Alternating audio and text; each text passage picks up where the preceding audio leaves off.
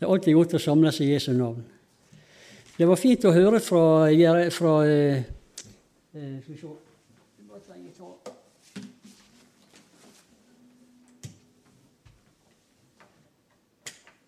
Fint å høre fra Nehemias her.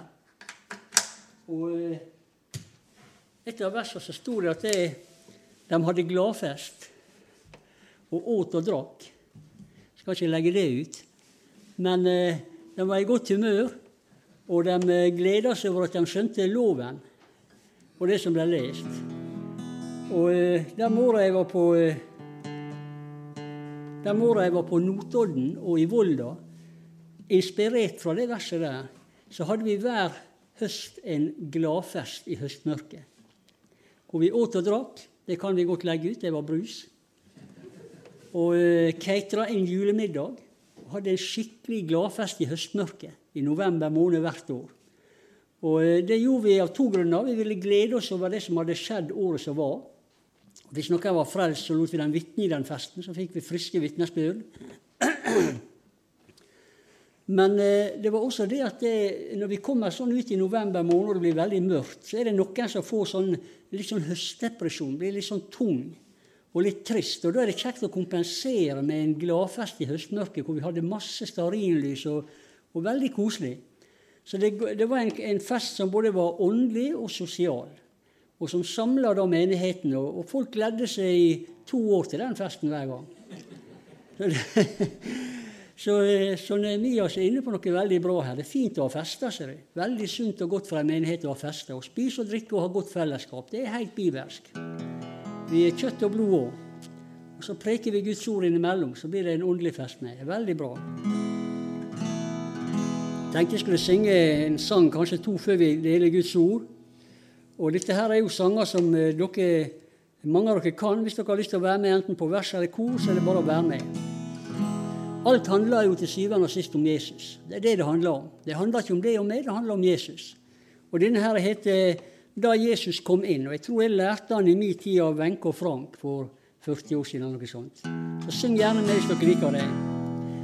All min fortid er forbi nå, og min syndeskyld er glemt. Den ble naglet fast til korset, og i glemselens hav er gjemt.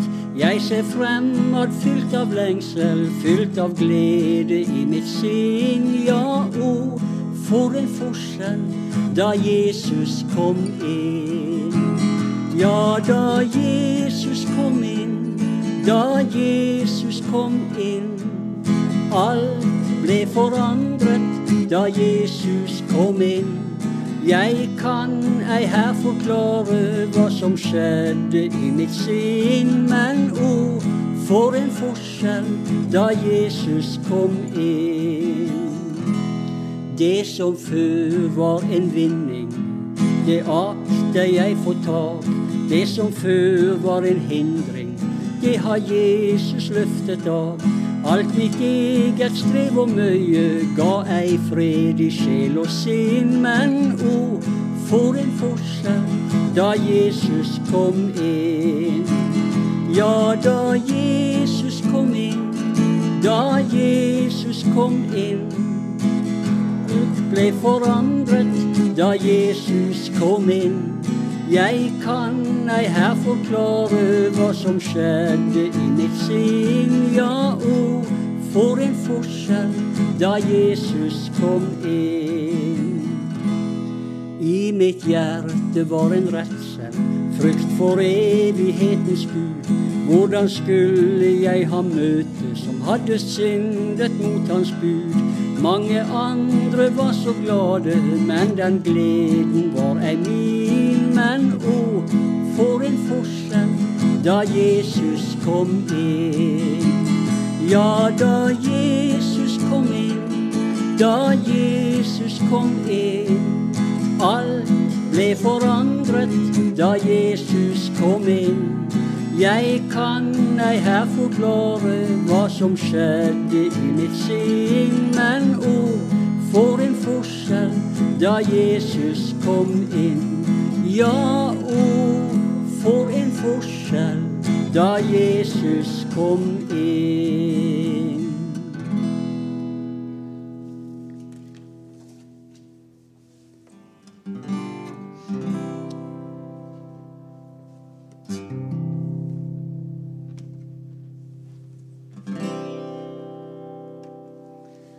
Her er også en av disse her eh, fine.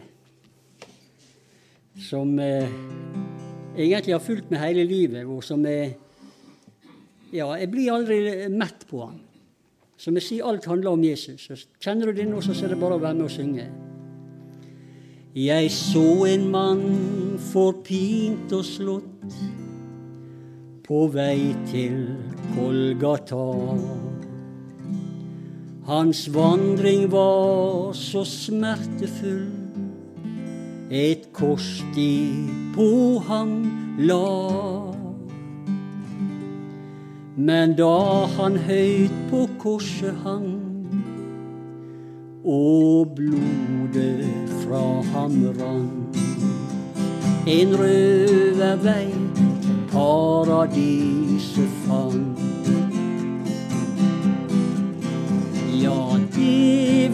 Mannen Jesus som seiret i sin død. Som ropte ut fra korset med hele hjertets glød. De ord som rystet himmelen og Satans åndemakt. Det var de skjønne ord, det er fullbrakt.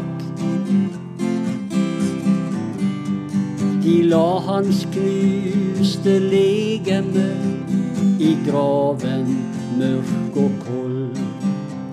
Men selv i dødens favntak var Gud hans vern og skjold.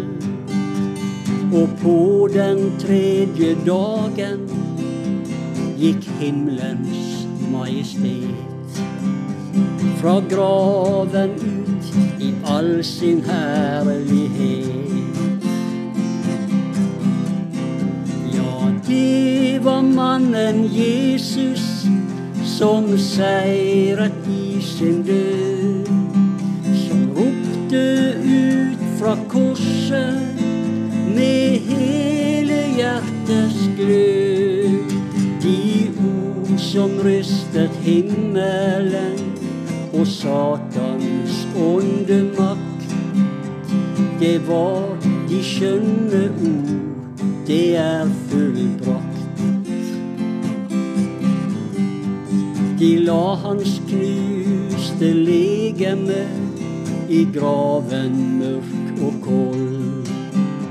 Men selv i dødens favntak var Gud hans vern og skjold.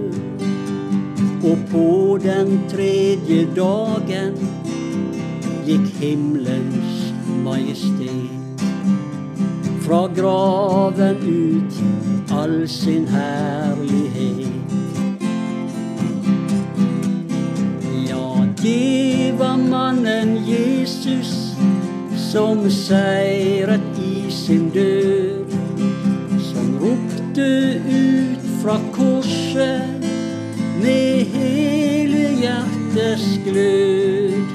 De ord som rystet himmelen og Satans åndemakt. Det var de skjønne ord, det er fullbrakt. Er du av synden tynget ned, forlatelse du får. Fra sykdom og fra plager fins det helbred i Hans ord. Om hele verden øde blir, Guds ord står evig fast. I kjærlighet til deg hans hjerte brast.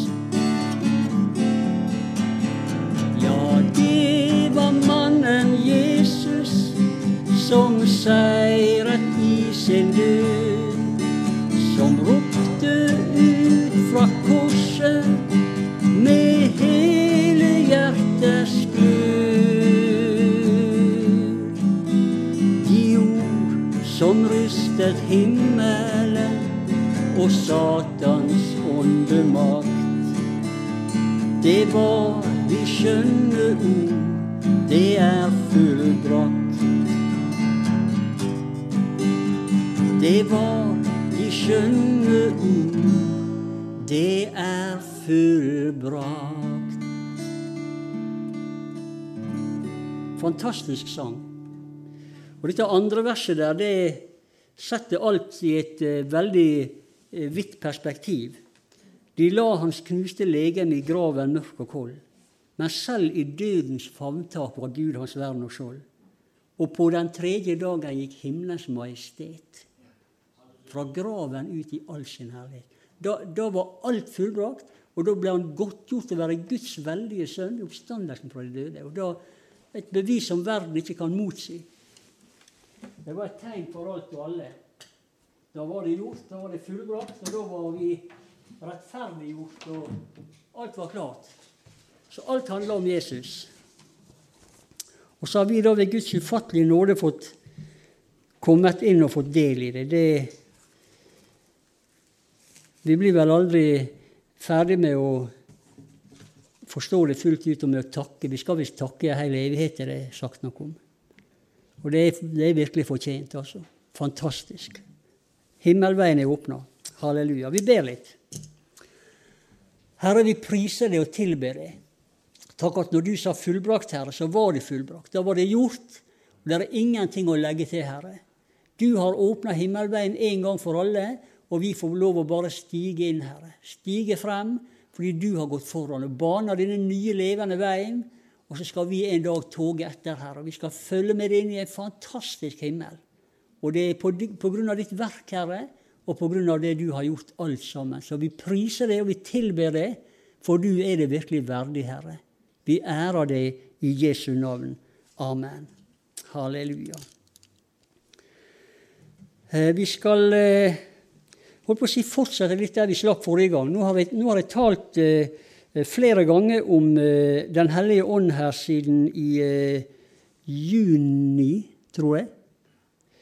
Og bare for å oppsummere veldig kort, slik at vi kommer inn i denne tråden igjen, så talte jeg de to første gangene om nådegavene. Vi gikk gjennom nådegavene og så litt på hva de inneholdt, og hvordan de kan fungere i livet vårt. Og vi sa at den var viktig fordi gjennom disse gavene så når Gud oss direkte inn i vår hverdag. Hele tida kan han tale til oss gjennom kunnskap, gjennom profeti, gjennom tunge, gjennom tydning. Og med nådegave til å helbrede så blir folk friske. Det, det, er et innslag ved Den hellige ånd. Og det er, er viktig at han får tak i oss gjennom disse gavene. Og så talte jeg da eh, for to ganger siden om at han også når oss gjennom tanken. Han taler også til tanken. Og jeg, jeg viste hvordan Ole Emil hadde gitt meg et lite tips til å skille når er det bare våre egne tanker, og når er det Gud som taler. Og han sa til meg at hvis du får en god idé, og du er litt usikker på om det er Gud eller er du sjøl, så blir det borte igjen fort hvis det er du. Er det Gud, så kommer det igjen, og det kverner, og du får ikke sluppet tak, og det maler, og til slutt så bare må du gå på det. Da er det som regel Gud, sa han. Det, en, det kan være en sånn pekepinn på når det er tanker fra oss sjøl, og når det er Gud. Og så så vi hvordan eh, Konkyrios Gud lot det oppstige sånne tanker i hans hjerte at han lot utskrive en, en, utstede en skrivelse om at de skulle dra tilbake og bygge opp igjen byen. og sånne ting. Og Da gikk han gjennom tanken. Enda han kunne bruke både Esekiel og Daniel og Sakarias, for den var også der. Men han gikk i tanken. Og, og Kyrios gikk på det, og så ga han tanker til andre som skulle bygge tempelet, og som skulle pynte tempelet, og til folkene de skulle hjem. Så, hjem. så da gikk Gud gjennom tanken i, i, en lang periode der. Og vi så hvordan det også er tilfellet mange ganger i vårt egne liv. Og forrige gang så snakka jeg om at Den hellige ånd, det er han som gjør at Jesus kan taler om liv og overflod. Overfloden gis oss av Den hellige ånd. Og eh, Hvis jeg finner opp igjen den nå, så skal jeg si to ord om To ord om det også. Eh, jeg sa at eh, i Josva 3, som er et bilde på dåpen av Den hellige ånd, når de gikk tørt over elva og inn i løfteslandet, og de gikk inn i som vi hørte litt her i dag også. De gikk inn i frukt som de ikke hadde planta. De fikk gave og mat som de ikke hadde gjort noe for. Det var melk og honning, og de kom inn i overflodsliv. Men de måtte først over Jordan, den tørre dåpen, uten vann, dåp i Den hellige ånd og ild, for, fordi at vannet sto som en vegg langt oppe i dalen. Så står det som en liten bisetning akkurat i denne overgangen der at eh, elva gikk over alle sine bredder hele høsten. så det flaut vann i overflod akkurat denne høsten her. Så, så åndsdåpen er et bilde på, eller er en begynnelse på det overflodslivet i Den hellige ånd.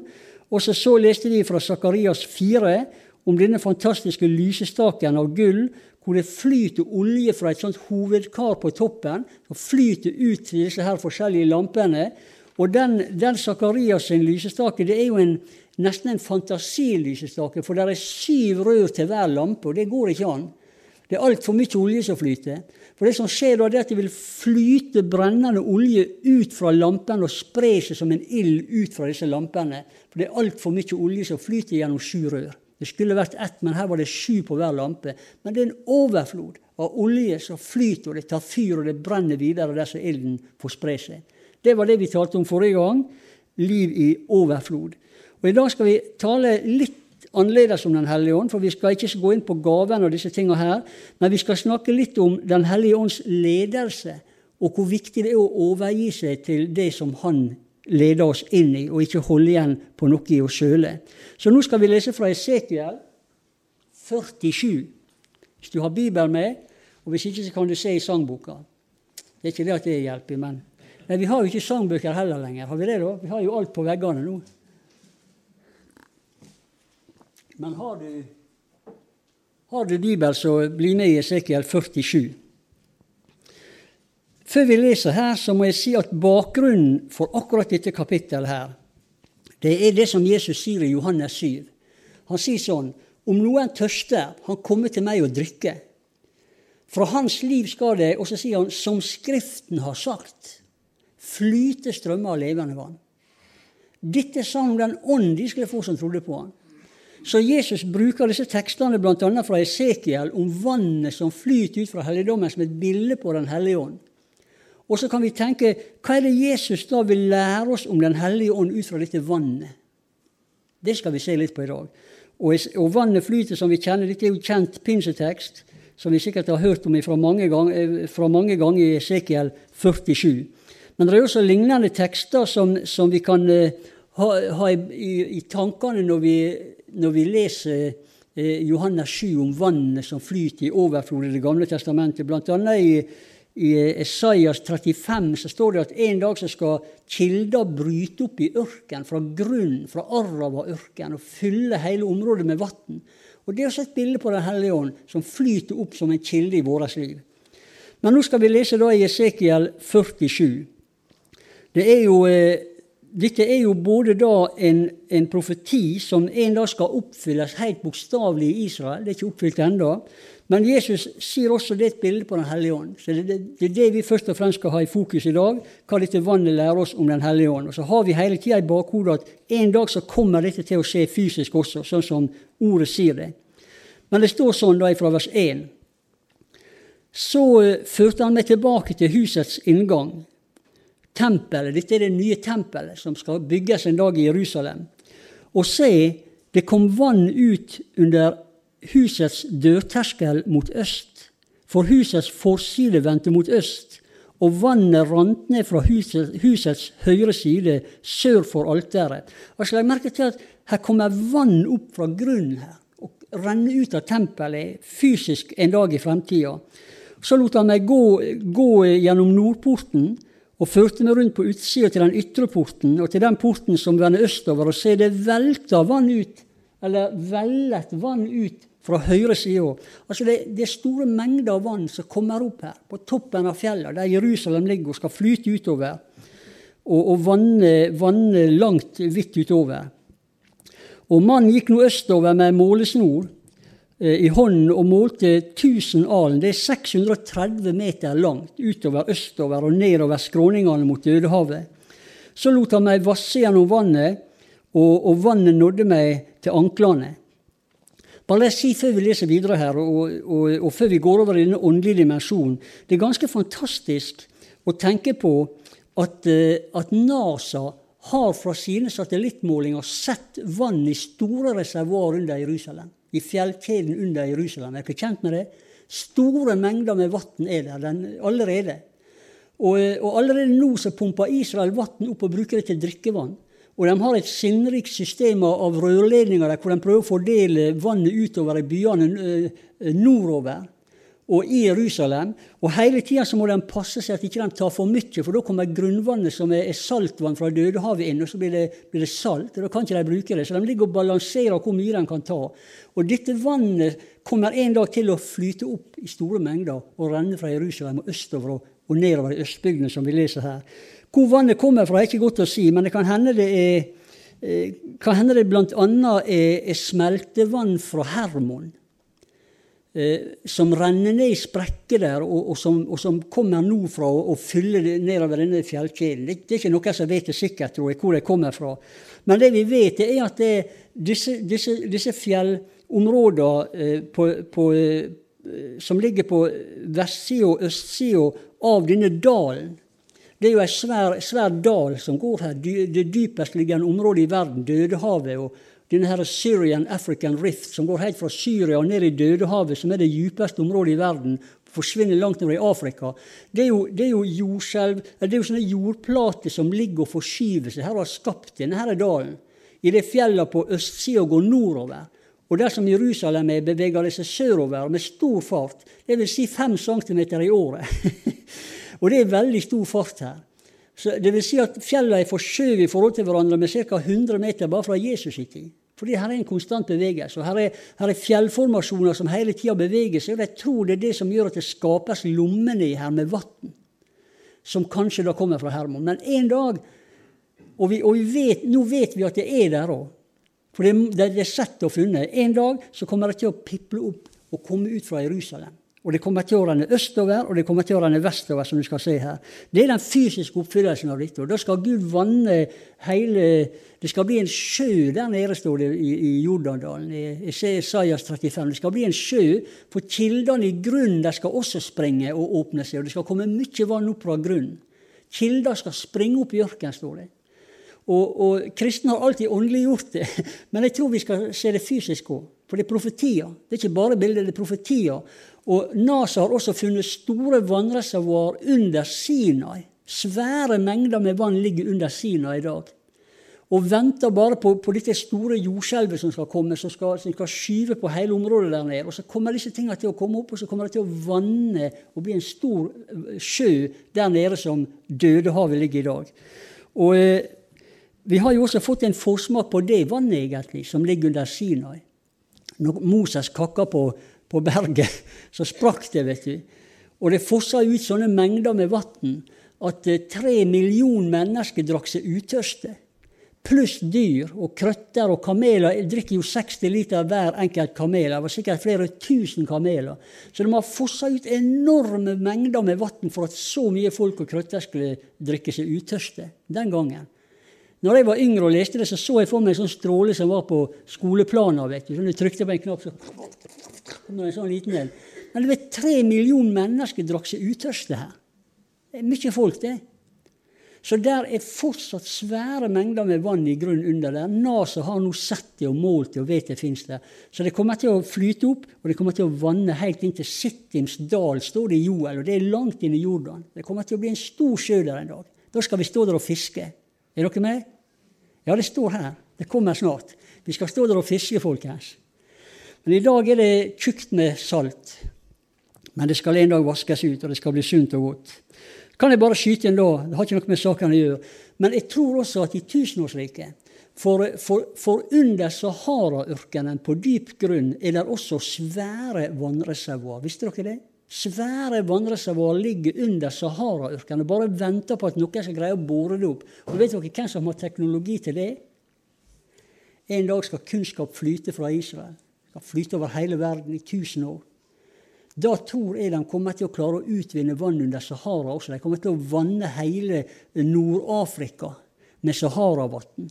Det kommer til å bli fruktbart. Det skal bli nok mat til alle. og Da kommer israelsk teknologi til å være verdifull. I dag er de en forbannelse for alle, og de er på lepper og tunger blant alle folk. Men en dag skal verden lovprise dem. Takke Gud for Israel. Men det ligger i fremtida. Nå må vi ta tilbake teksten her. Dette var en lang bisetning. Men vi får gå tilbake igjen her når, når de måler ut vann fra, fra tempelet. Da. Men altså, poenget mitt var bare å si at dette kommer en dag. Men nå skal vi lese det med Jesus sine øyne og se Den hellige ånd i dette. Så målte han da, Nå er vi i vers 4. Så målte han tusen alen og lot meg vasse gjennom vannet. Da nådde vannet meg til knærne. Igjen målte han tusen alen og lot meg vasse gjennom vannet. Da nådde det meg til, til hoftene. Så målte han atter tusen alen. Da var det elv som jeg ikke kunne vasse gjennom, for vannet var så høyt at jeg måtte svømme der. Det var en elv som ikke lot seg vasse. Og han sa til meg, Har du sett det, menneskesønn? Sett hva? Hva er det han skal se her? Det skal vi komme til om et lite øyeblikk. Så førte han meg tilbake igjen langs bekkens bredd. Da jeg vendte tilbake, se da sto det ved bekkens bredd en stor mengde trær allerede, på et øyeblikk. På begge sider. Og han sa til meg, dette vannet renner østover til østbygdene og helt ned i Arrava, står det faktisk på, på på hebraisk der som det står 'ødemarken'. Det er oversatt til 'ødemarken', men det hebraiske ordet er 'arava'. Det skal renne helt ned i Arravadalen og, helt ned i ødemarkene der nede. Uh, dette vannet renner helt ned til østbygdene og videre ned i ødemarken og faller så ut i havet. Uh, Dødehavet. Og når det så ledes ut i havet, så blir vannet der sunt. Og i dag er det over 30% salt. Og det blir mer og mer salt for hvert år fordi det er så stor avdampning. Så vannet forsvinner, men saltet damper ikke. Det er for tungt, så det ligger der. Så det blir mer og mer saltlake for hvert år som går nå. Det er så tjukt som en olje. Men en dag så skal dette vannet merkelig nok kunne bli sunt. Og alle levende skapninger som det vrimler av overalt der dobbeltbekken kommer. Hvorfor heter det dobbeltbekken? I min, eh, min 1930-bibel så er det en sånn parentes hvor det står 'det betyr den store bekken'. Men det tror ikke det betyr. For hvis Gud mente den store bekken, så hadde han vel sagt den store bekken istedenfor dobbeltbekken. Han sier jo det han mener som regel. Det heter dobbeltbekken fordi i Sakarias så ser du den ene bekken renne østover og ned til Dødehavet, mens den andre bekken renner vestover og skal vanne eh, eh lavlandssletta ned mot Middelhavet. Der. Derfor er det dobbeltbekken. Det er to bekker som flyter ut fra helligdommen. Jeg klarer ikke helt å slippe denne profetiske sida, hører du. Men vi skal prøve å finne tilbake til det som er budskapet her nå. Dobbeltbekken skal leve, og fiskene der skal bli meget tallrike. Og når dette vannet kommer dit, blir det sunnhet og liv overalt hvor elven kommer. Og det skal stå fiskere ved havet, altså det døde, fra en Gedi til en Eglaim. Og Da må ikke vi se for oss en Gedi i dag, det moderne som ligger nede med vannet, men vi må se for oss det gamle en Gedi som lå langt oppe i skråninga. For vannet kommer til å nå så høyt opp at det skal stå på gamle en Gedi og fiske. Det skal flyte store mengder med vann her. Og det skal altså det også vanne Sittims dal, som er langt innover i Jordan. der. Så det kommer til å stige og, og bli rent, bli vaska ut så det blir rent. Og det skal være et sted å kaste fiskegarn ut og det skal finnes fisk av forskjellige slag i stor mengde som i det store havet, altså Middelhavet. Men eh, myrene og puttene der skal ikke bli sunn. De skal bare være til å utvinne salt. Og det, det, det underlige altså, Alle menigheter som jeg vet om, nå er ikke det mange, som har opplevd store vekkelser. Og du skulle tro alle skulle glede seg og rope og prise Gud, for det blir så mye folk frelst. Så er det noen surputter også som, som aldri er fornøyd som alltid finner noe gale. Jeg husker når jeg, husker når jeg var i Pensacola i 1997. Da vekkelsen brant som bare det. På det tidspunktet var det 144 000 Decisions for Christ. Altså som hadde kommet til denne byen gjennom flere år fra store deler av verden og fra store deler av USA, og som hadde hørt et, et sylskarpt evangelium, et fantastisk evangelium, fått syndenød så de ropte og skreik til Gud og tok mot Jesus og underskrev sånne kort at de ville ha oppfølging. Det var derfor de visste at det var 144 000. Men 200 stykker klarte å gå ut av menigheten, for de likte ikke det. Skjønner du, Det er alltid noen surputter. Alltid noen som skal finne noe annet som ikke de liker. Alle, alle vekkelser, Hvis her blir vekkelse en gang, så blir her litt usunnheter også. Det skjer alltid. Alle vekkelser er usunnheter. Men vi må glede oss over alle som blir frelst. Og så må vi leve med at vi er litt forskjellige, og vi ser litt, litt ulikt på ting. Men det er underlig at selv her så skal det være noen sånne murputter da, som bare skal utspy salt. Eh, ved bekken skal det på begge breddene vokse opp hør på dette, alle slags frukttrær. Bladene skal ikke visne, og frukten skal ikke opphøre. Hver måned skal de bære ny frukt. Det går jo ikke an. Det er jo bare en gang i året. Men dette er liv i overflod. Forstår du? Det er liv i overflod. Hver måned skal den bære frukt, og det skal være ny frukt, for vannet til dem går ut fra helligdommen. Og frukten skal være til mat, og bladene skal være til legedom for folkene, som det står i, i samme parallellvers i Johannes' åpenbaring. Bladet skal være til legedom for folkene, står det. Fantastisk. Blad skal være til helbredelse og legedom for folka.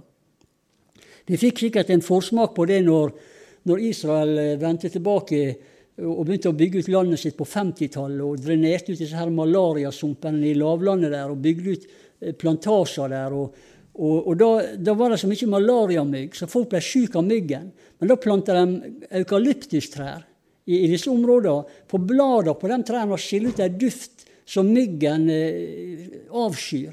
Og, så den flykta og stakk av. Og dermed så forsvant også malariaen. Så bladene på trærne ble til legedom for folka. Men det var jo bare en liten forsmak, og dette skal vi få se i tusenårsriket i, i rikelig mål. Da skal til og med bladene på trærne bli til legedom for folka. Jeg er snart ferdig med preken nå, ja. Nei, vi skal begynne litt nå. Jeg, skal, jeg, har ikke så mange. jeg har 19 punkt, og den blir lengre og lengre. Det skal gå fint.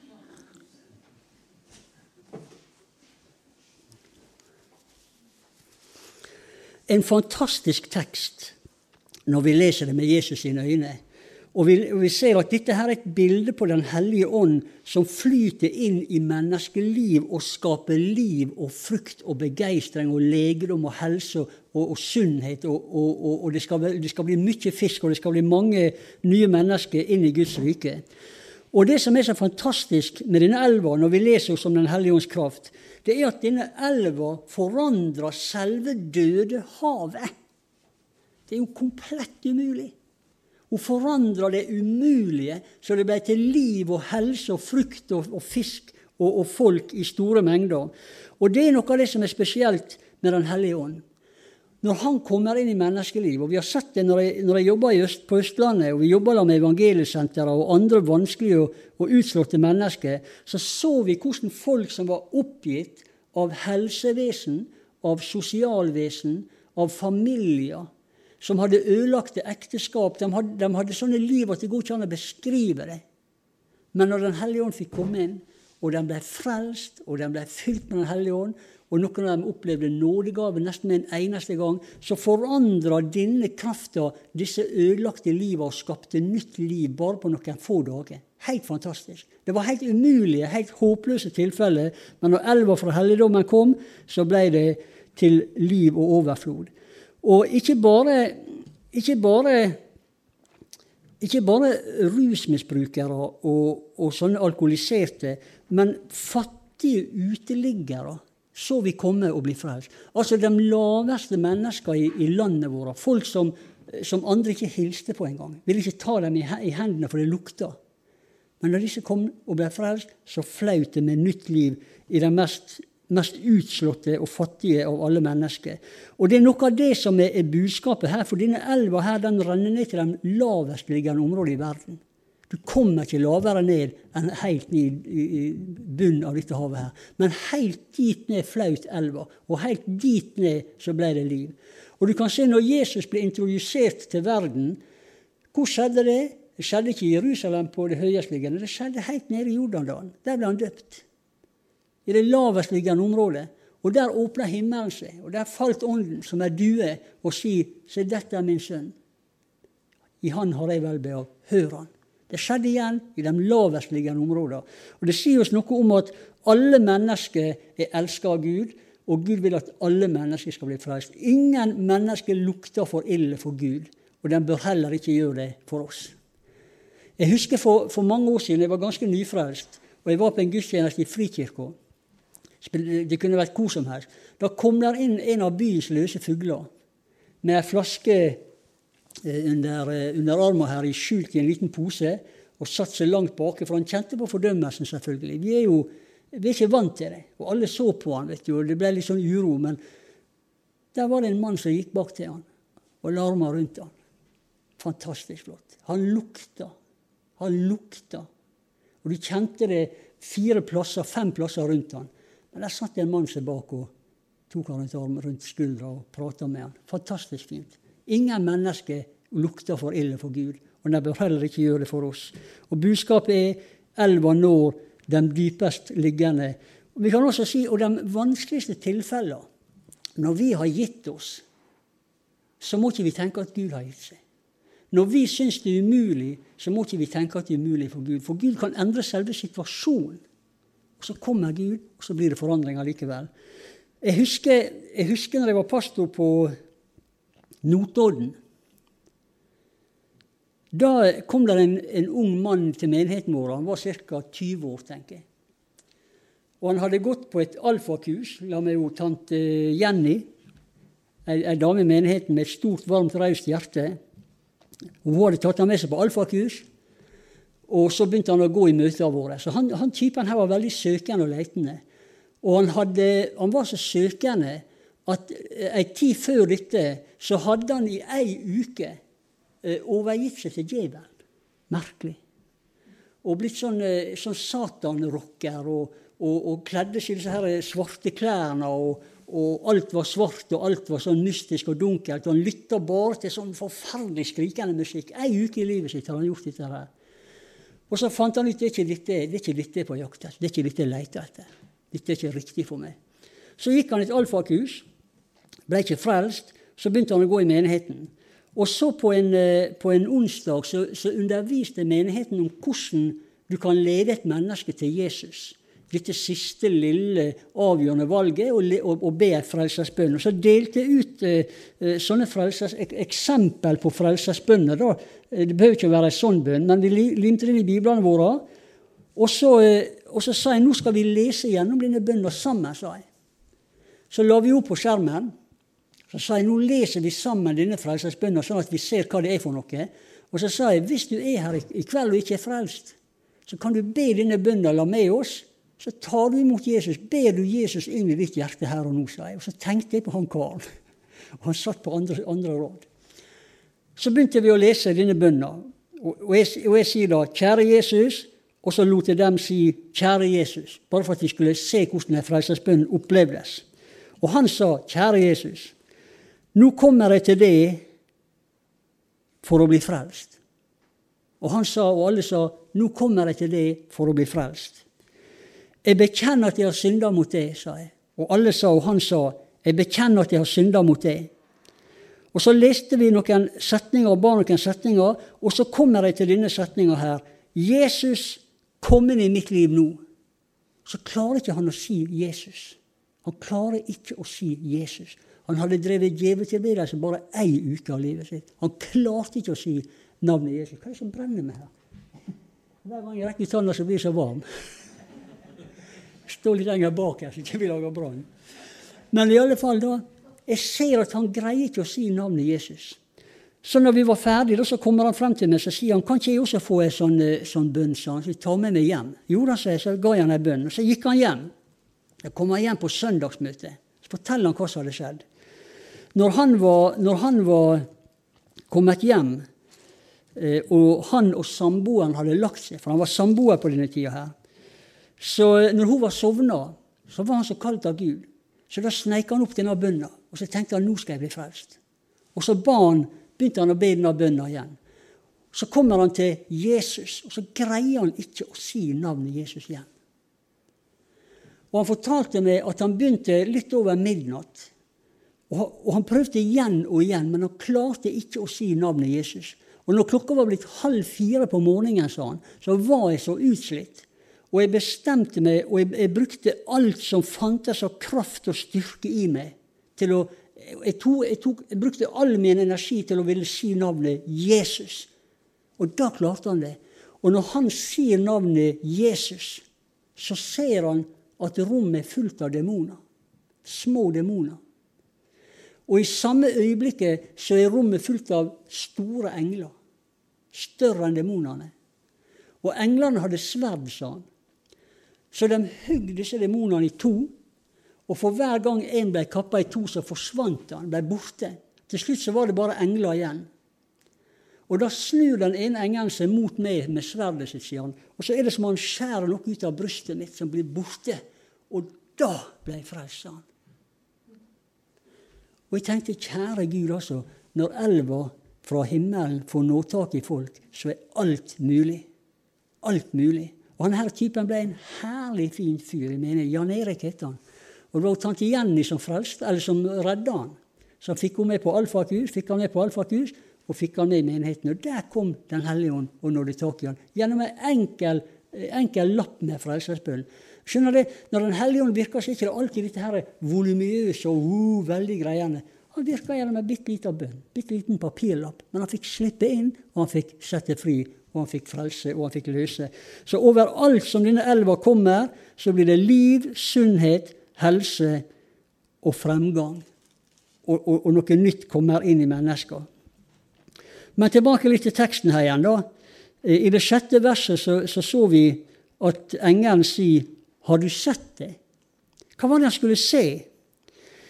Jo, han så at han, han vassa langt gjennom vannet. Først 650 meter, og så 650 til. Til slutt hadde han gått i 2,5 km bare vassa gjennom vannet. Og etter 2,5 km så kunne han svømme. Hva er det vi skal se? Jeg tror det er dette her. Uansett hvor lenge vi har vandra med Gud. Så lenge vi er nede med beina, så er det vi som har kontrollen. Skjønner du? Om du er ankerdyp eller knedyp, så lenge du er nede med beina, så er det du som har kontrollen over livet ditt. Gud vil at vi skal overgi oss 100% og legge oss ut på skal vi si, dypt vann. Og det som er noe av det mest spennende når vi overgir oss 100% til Jesus, det er hvor kommer elva da til å føre oss hen? Det aner vi jo ikke. Men det er noe av spenninga og noe av usikkerheten å gå med Jesus. Det er å gi seg 100 Så jeg tror at disse, denne vassinga det er vår grad av overgivelse. Og jeg tror han vil ha oss helt ut på dypet. Jeg tror han vil vi skal slippe grunnen, kapitulere og si 'du får din vilje med mitt liv'. Da skal du se at mange av nådegavene kommer i funksjon som kanskje ikke er i funksjon i dag. Eh, la få være litt personlig. Før jeg fikk dette kallet mitt på, på, eh, på begynnelsen av 90-tallet, så eh, var jeg med i ledelsen her sammen med han eh, Arvid og han Øyvind og Håkon, nei, Håkon mener jeg. Og Jon og Ja, det var vi fire. Og, og, jeg levde veldig for Gud. Jeg er sikker på at jeg levde minst 90 for Gud. Og jeg syns det var veldig bra. jeg syns jeg var ålreit. 90 for Gud. Det er passelig. Da har jeg litt styring sjøl, men jeg lar Gud få det meste. Så jeg var i Eldsterådet, og jeg, og jeg spilte til møter her, husker jeg, til fellessangen la med han Harry og la med han eh, Magne her. Og vi hadde en på bass. Hvem var det som spilte bass? Eh, hvem som spilte bass her? Ja, kanskje det var det. Tre-fire stykker var vi, fire-fem stykker var vi og spilte iallfall. Så det var jeg med på. Og så var jeg med på en del andre spennende ting. Så jeg syns jeg, jeg, hadde gitt nesten alt til Gud. Men jeg visste at jeg holdt igjen litt. Jeg visste at jeg holdt igjen litt. Og jeg vet også hvorfor jeg holdt igjen litt. Fordi jeg tenkte at hvis jeg, nå, hvis jeg kapitulerer og gir meg 100% til Gud, så kommer han sikkert til å sende meg til Grønland eller noen andre plasser som jeg ikke har lyst til. Afrika, for ikke å snakke om Asia. Og det hadde jeg ikke lyst til. Så jeg turte rett og slett ikke, og slett ikke å kapitulere, for jeg var livredd for hvor det da skulle bære hen med meg. Nå hadde jeg det så bra. Jeg hadde en flott jobb i brannvesenet. Hadde det som blommen i egget. Flott menighet, gode venner. Jeg trengte ikke noe mer. Og jeg hadde ikke lyst på noe mer heller. Så jeg bremsa og bremsa og bremsa. og bremsa. Det var det dummeste jeg har gjort i hele mitt liv. Jeg bare skjønte ikke det da. Og Det som skjedde, var at Gud begynte å jobbe med meg. Vi, tok meg i noen bibelstudier om overgivelse, og jeg saka unna og jeg trakk meg tilbake. Og så førte han meg inn i andre Mosebok, hvor Moses ble kalt. Og Moses han trakk seg også tilbake. Jeg kjente hvor jeg kunne identifisere meg med denne frykta til Moses, hvor han liksom feiga ut hele tida. Og, og, Gud kalla og lokka og dro, og Moses han sier ja, men jeg, jeg, kan ikke tale, jeg kan ikke snakke. Jeg er ikke noe sånn snakke før. Ja, men ta broren din, da, sier Gud. Ta med deg Aron, skal han snakke? Nei, han vegrer seg hele tida. Og til slutt så står det et, et merkelig vers. Og nå må, nå må, jeg si, Vi er ikke under loven i dag, da, vi er under nåden. Men der står det faktisk da kom Guds vrede over Moses. Og da tenkte jeg det går ikke an, Gud. Jeg kan ikke ha din vrede over mitt liv og over familien min, kanskje bare fordi jeg ikke vil gi meg. Så da ga jeg opp, og så sa jeg OK. Og jeg husker jeg gråt. Det var en, det var en veldig kamp.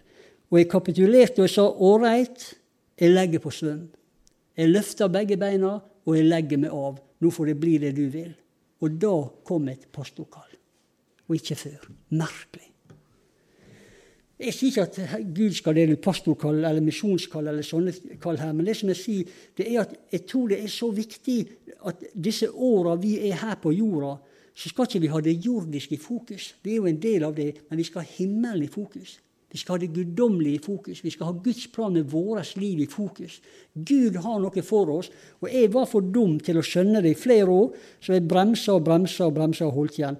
Men jeg så at det siste som han kjempa ned, det var viljen min. Altså, Han måtte få viljen min. Jeg måtte gi viljen min til slutt. Og bare overgi meg til denne elva, som jeg kaller det da. Og eh, jeg har snakka med mange mennesker som pastor også, og jeg ser at i mange tilfeller så henger mye igjen på denne, denne viljen. Denne siste biten, viljen. Når, når jeg var nede i, i Volda, så var det en, en leder i, i Syvde, jeg tror han er død, nå er det ikke noen år siden, som, som delte et vitnesbyrd når han måtte gi seg over til Gud. Og med han var det røyken. Han, han røyka når han ble frelst. Han klarte ikke å slutte å røyke. og Gud jobba med han med røyken, og han ville ikke gi fra seg røyken. og var, Denne røyken ble til slutt en veldig byrde. Og Til slutt så kom han til et punkt hvor han, sier, hvor han gir opp, og så sier han, 'Gud, ta røyken, du. Ta røyken, du.' Men så sier Gud nei. Gi meg røyken, du. Det er stor forskjell. det. Hva er forskjellen? Viljen er forskjellen. Ta røyken. Det, høres veldig åndelig ut. Det. Ta røyken, du. Da, må, da, skal, da, er det liksom opp til Gud. Du må løse med Gud. Nei, Gud sier du må gi fra deg røyken. Du må kapitulere. Du må ville gi fra deg røyken så sterkt at du gir fra deg røyken. Men han var det røyken. Det kan være andre ting. Men meg var det, var det kanskje jobben. Jeg vet ikke hva som hengte meg igjen. Men iallfall, når, jeg, når jeg først kapitulerte, så begynte ting å skje. Og det står et vers i 1. Peter-brev som vi skal ta med her. 1. Peter 3,14, hvis du vil notere eller slå opp. 1. Peter 3,14. Der skriver Peter til forsamlinga dette ordet her. Men om dere enn skulle lide for rettferdighetens skyld, er dere salig. Men hun kan si, frykt ikke for dem, og vær ikke redd. Bare hellige Kristus som Herre i deres hjerte. Altså, når vi overgir oss, det, eller når vi har den kampen, så er det ofte en frykt for hva som skal komme. Men hva kommer Gud? Men Bibelen sier ikke frykt, ikke vær redd. Bare hellige Kristus som Herre i ditt liv. Så tar Han over hele styringa. Fordi at det, det, kan ofte være skummelt å gi seg 100 Du vet jo ikke helt hva som kommer. Og jeg kan huske når jeg, når jeg hadde kapitulert og fikk det til kallet og dro til Halden, så husker jeg første natta jeg lå oppe på et værelse i toppetasjen på lokalet der. Og da gikk det plutselig opp for meg hva jeg var i ferd med å gjøre. Da hadde jeg jo reist fra lille Elim, da forstår vi rett, med 20 mennesker. Og så skulle jeg være pastor i en menighet for 650 mennesker. Og opp på loftet den natta så fikk jeg panikkangst. Første gangen jeg i mitt liv har fått panikkangst. Da skjønte jeg litt av hva i all verden har jeg gjort nå. Og da svikta troa mi den natta der, altså. Da ble jeg helt livende redd. Men så er det dette der frykt ikke, vær ikke redd, men hellige Kristus som Herre i ditt liv. For eh, når du overgir deg til Han, så vil Han både utruste deg, på måter du ikke har tenkt på forhånd. Du ikke forutsett det, men han vil utrette, utruste det, han vil legge til rette, han vil åpne dører, han vil stenge dører. Og han vet om alt. Så du er aldri så trygg som når du legger det av og gir det over og svømmer. Da er du helt trygg. Ja, men jeg, jeg, kan ikke svømme. Det gjør ikke noe. Han kan. Jeg har ikke livbelte. Du trenger ikke. For du legger det over på en trygg grunn, tross alt. Så, så, ikke forhandle med Gud. Det gjorde jeg. Forhandling og overgivelse er to forskjellige ting. Du vet Det er så lett å si ja, eh, du skal få viljen, du skal få livet mitt, Gud, men du må ikke sende meg osv. Så, videre. så begynner vi å forhandle. Men det er ikke overgivelse. Overgivelse er å si det er du som bestemmer, Gud. Nå går jeg der du vil, og så går jeg på det du leder til. Det er sånn som, eh, sånn som eh, hvis du tenker deg noen soldater som holder på å kjempe ned motstand opp på en høyde. De skal innta en høyde, og der er det motstandere, det er folk som, som forsvarer høyden. og disse her rykker oppover, og så Etter hvert så nedkjemper de motstanden litt etter litt. Så er det noen få stykker igjen. Og så i nåde og godhet og så roper de opp til disse siste. Vil dere gi dere? Altså De får en sjanse til å kapitulere. Og da kan ikke de svare ja, vi gir oss nesten. For så lenge du skyter tilbake, så har ikke du gitt det. sant? Så lenge det er motstand, så har ikke du gitt det. Du kan ikke si 'ja, vi gir oss litt'. Nei, Enten så kapitulerer du, eller så skyter du tilbake. Og Det var det jeg gjorde lenge. Jeg skjøt tilbake, og jeg forsvarte meg, og jeg holdt på hele tida. Til slutt, når jeg kapitulerte, så begynte ting å skje. Og Så det siste punktet, da, dette er det 19. Nei, det er ikke det. Det er, det er ikke så lett for en tilhører å følge en tro gjennom en tale, men første punktet mitt var dette. Elva forvandla Dødehavet. Det umulige ble mulig. To, hva er denne vassinga for noe? Det er vår grad av overgivelse. Og det tredje og siste punktet. Noe av det som er fantastisk spennende når du overgir det 100 det er hvor skal elva føre med henne. Og det, det, er noe av det du ikke kan forhandle deg frem til på forhånd. Du kan ikke vite hvor elva fører deg, du må bare gå. Og så må du stole på at han leder deg, og at han tar deg dit han skal. Og det er ikke alltid da du føler deg veldig trygg. Har du lagt merke til at Paulus også skriver at han hadde angst? I Roman 8 han har vært i fare, i nakenhet, i angst. Han har vært uten mat, han har vært med mat, han har hatt overflod, han har hatt for lite. Han har prøvd alt mulig. Han til og med prøvd angst. Og han hadde et veldig ansvar for menighetene, mange menigheter. Så han nå kjempa med angsten. Men han var likevel trygg. Altså Det er alltid en pris å betale å følge Jesus 100 men du er alltid trygg. For han bevarer sine, som vi synger disse barnesangene. Sånn er han den dag i dag. Men det er så spennende å se hvor denne elva tar oss henne. I Johannes' åpenbaring 3 så står det om to dører. Den første døra det er denne i vers 20, så jeg står for døren og banker. Det er frelsesdøra som er igjen, som Gud ikke åpner, men som vi må åpne. Den andre døra det er denne ser jeg satt foran deg en åpnet dør. Den er åpen. Det, det er døra inn til ledelse. Den, når, når, Gud åpner ei dør for deg, og du begynner å ane konturene av hva som er din tjeneste, eller hvor du skal, eller hva du skal gjøre, når den døra er åpen, så blir den døra en overgang fra det rommet du er i nå, og til det rommet Gud vil ha deg inn i. Og da har ikke det vært galt å være i det rommet du er i nå, men det blir galt hvis Gud har åpna en ny dør inn til et nytt rom. Da må du gå og se hva som er inni dette nye rommet, hva Gud har for deg i en ny tjeneste eller et eller annet. Døra er åpna, så skal du ikke være redd for å løfte begge beina og legge på svøm. Den hellige ånd, han vil lede deg. Og det, det, spiller ingen rolle om du skal bli pastor, eller om du skal ut i misjon, eller om du skal inn i et barnearbeid, eller du skal inn i noe nytt innenfor sang og musikk, eller junior eller ungdommer. Det er så mange tjenester i Guds rike, men det som er viktig, det er at hvis du på et punkt i livet skjønner at Gud vil ha det videre, så må ikke du bremse. Det er det jeg preker om i dag. Du må ikke bremse hvis du vet at Gud vil ha det videre. Da skal du gå inn i det nye rommet som Gud har åpna ei dør til, og du kommer aldri til å angre. Du kommer aldri til å angre. Eh, jeg husker når jeg var rundt 40 år, slutten av 30-åra var jeg, så tok jeg en bestemmelse som var viktig for meg. Og da sa jeg til meg sjøl at når, når jeg blir 70, hvis jeg blir 70 da vil jeg kunne snu meg tilbake og se på livet mitt og så skal jeg kunne si jeg var midt i Guds plan. Det var en bestemmelse jeg tok når jeg var på slutten av 30-åra. Jeg visste at jeg kommer ikke til å bli fullkommen, jeg kommer ikke til å bli perfekt, jeg kommer ikke til å bli en sånn liten Jesus som gjør alt riktig. Jeg kommer til å være meg sjøl, men jeg skal være midt i det Gud vil med mitt liv. Og Litt etter litt så kom også dette kallet, som jeg sa. Når jeg tok den bestemmelsen, så hadde jeg ingen anelse om, om, hva det skulle innebære. Men i dag vet jeg ved Guds ufattelige nåde at hvis jeg blir 70, så skal jeg snu meg og si ved Guds ufattelige nåde så fikk jeg være midt i Guds plan med livet mitt. Jeg var det Gud skulle, ville jeg skulle være, og jeg var der Gud ville jeg skulle være. Ikke fullkommen, helt meg sjøl, men midt i det Gud hadde tenkt. For jeg tror, jeg tror Gud har en plan for alle kristne. Helt sikker på det. Gud har en plan. Han utruster oss, han kaller oss etter det, og han vil at vi skal løfte opp begge beina, tørre å legge oss av og si 'Herre er Gud'. Ta meg og før meg inn i det som du har tenkt. Det eneste jeg har vært redd for i disse åra, det er at jeg skal ha kommet inn i ei bakevje i, i, elva. Det eneste jeg har vært redd for. Komme inn i ei bakevje og begynne å gå i ring og ikke, ikke, komme videre. Det er det eneste jeg har hatt frykt for.